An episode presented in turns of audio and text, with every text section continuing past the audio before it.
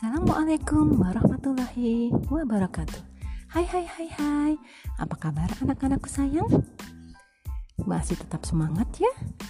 Hari ini kita memasuki hari ke 23 bulan Ramadan Allahu Akbar Gak kerasa ya?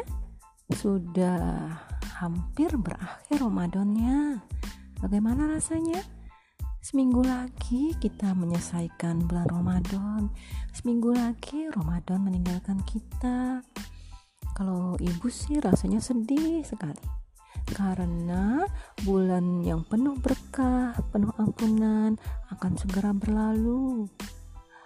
Bulan yang penuh dengan berbagai uh, aktivitas, mengaji, sholat tarawih, berpuasa, berbuat banyak kebaikan akan segera berakhir. Eh, tapi jangan khawatir. Justru di saat ini, tujuh hari terakhir ini, kita harus tambah bersemangat untuk beribadah dengan sebaik-baiknya. Karena apa? Seperti ibu bilang kemarin, di hari-hari ini Allah telah menjanjikan sebuah malam yaitu Lailatul Qadar, malam seribu bulan. Kemarin Ibu bilang berapa hari? Eh berapa tahun malam seribu bulan? Iya, 83 tahun lebih. Allahu Akbar, Masya Allah. Semoga kita semua mendapatkan malam Lailatul Qadar. Malam penuh kemuliaan ya.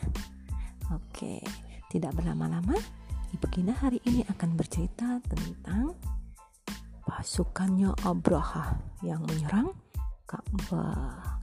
Kemarin kan ceritanya Abraha kesal, Raja Abraha kesal karena semua orang beribadah ke iya ke Ka'bah di Mekah. Maka Raja Abraha pun membangun sebuah rumah ibadah yang megah terbuat dari emas, perak, pualam, pokoknya dibuat indah. Tapi Ternyata nggak ada yang ke situ. Semua tetap ke Ka'bah, rumah tua itu. Makanya Abraha kesal dan dia pun melakukan sebuah tindakan. Apa tindakannya? Yuk kita dengarkan sama-sama ya. Sudah mandi semua kan? Sudah siap mendengarkan cerita Ibu Gina? Oke, ini ada sebuah lagu untuk kalian. Tetap semangat.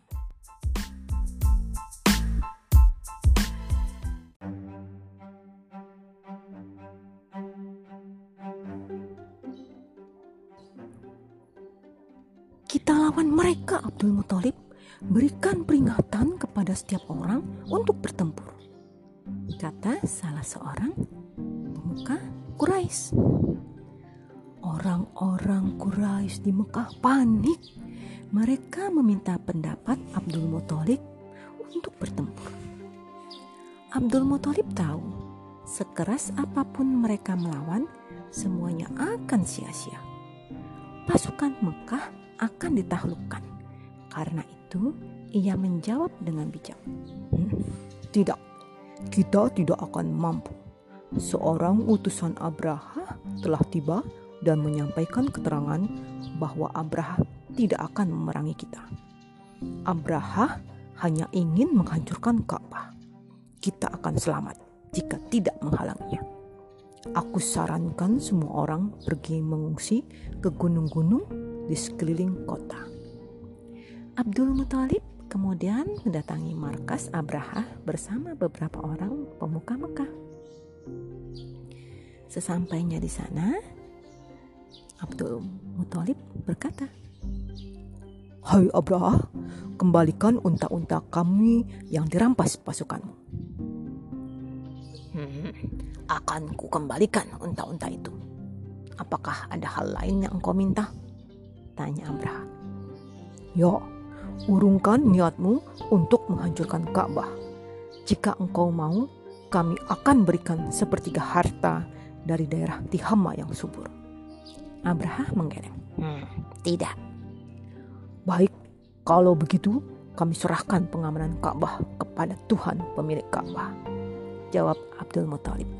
Lalu ia pun pergi. Nah, anak-anakku sayang, kini kota Mekah telah kosong. Penduduknya telah mengungsi. Jalan lebar pun terbuka bagi Abraha untuk menghancurkan Ka'bah yang letaknya sudah di depan mata. Nah, sekarang siapa yang mampu menghalangi kekuatan sebesar itu? Karena semua orang takut. Ya. Oke, bagaimana kelanjutan ceritanya? Sebentar.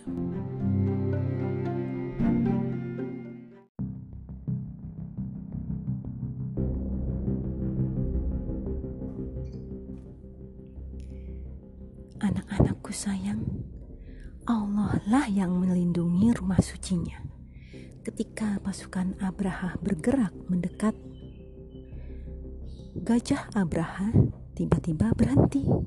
Sekeras apa pun Abraha memukulinya, gajah itu tetap duduk dengan tenang. Bahkan akhirnya berusaha berjalan kembali ke arah Yaman. Maju, apa yang terjadi padamu? bentak Abraha pada tunggangannya. Dalam berbagai pertempuran, belum pernah kamu mengecewakan aku seperti ini. Kamu bahkan tampak ketakutan. Ada apa sebenarnya? Paduka, Paduka, ada yang datang dari arah laut. Teriak seorang prajurit sambil menunjuk-nunjuk panik. Saat itulah dari arah laut Allah mengirim kawanan burung yang kepakan sayapnya menutupi sinar matahari seperti iringan awan mendung yang bergerak cepat. Burung-burung itu menjatuhkan batu-batu menyala ke arah pasukan gajah. Dengan panik, setiap orang berusaha menyelamatkan diri. Lari, lari, selamatkan diri masing-masing. Tetapi usaha mereka sia-sia. Semua orang, termasuk Abraha, akhirnya mati. Peristiwa ini Allah abadikan dalam surat Al-Fil. Ada yang tahu bagaimana bunyinya?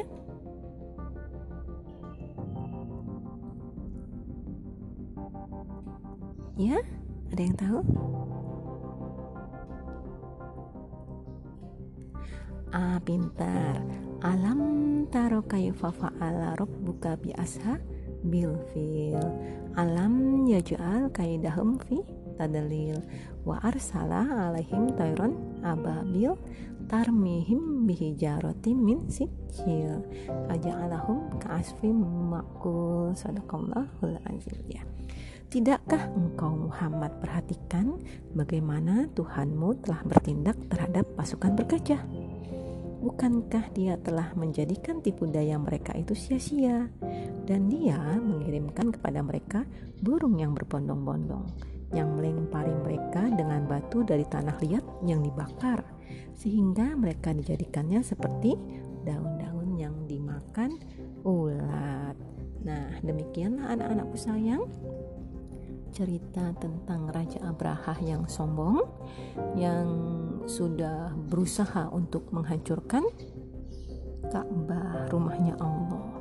Dia sudah sombong, sudah merasa pasti hebat, pasti kuat, ternyata dia dihancurkan oleh sekawanan burung ababil yang dikirimkan oleh siapa? Ya, oleh Allah. Allah lah langsung yang menghadapi pasukan Abraha yang sombong.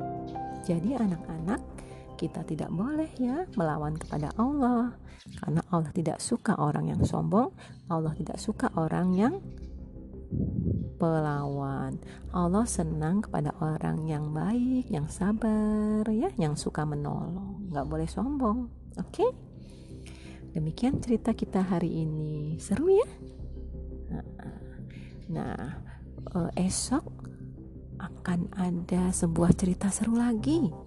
Biasa kalau hari Minggu Ibu Kina akan menyampaikan cerita bukan tentang uh, Muhammad Ladanku. Tapi kita jeda besok. Cerita apa ya? Sesuatu yang seru. Nggak sabar kan? Oke. Makanya tetap pantengin tetap uh, dengarkan terus siaran dari Ibu Gina. Sampai jumpa lagi. Assalamualaikum warahmatullahi wabarakatuh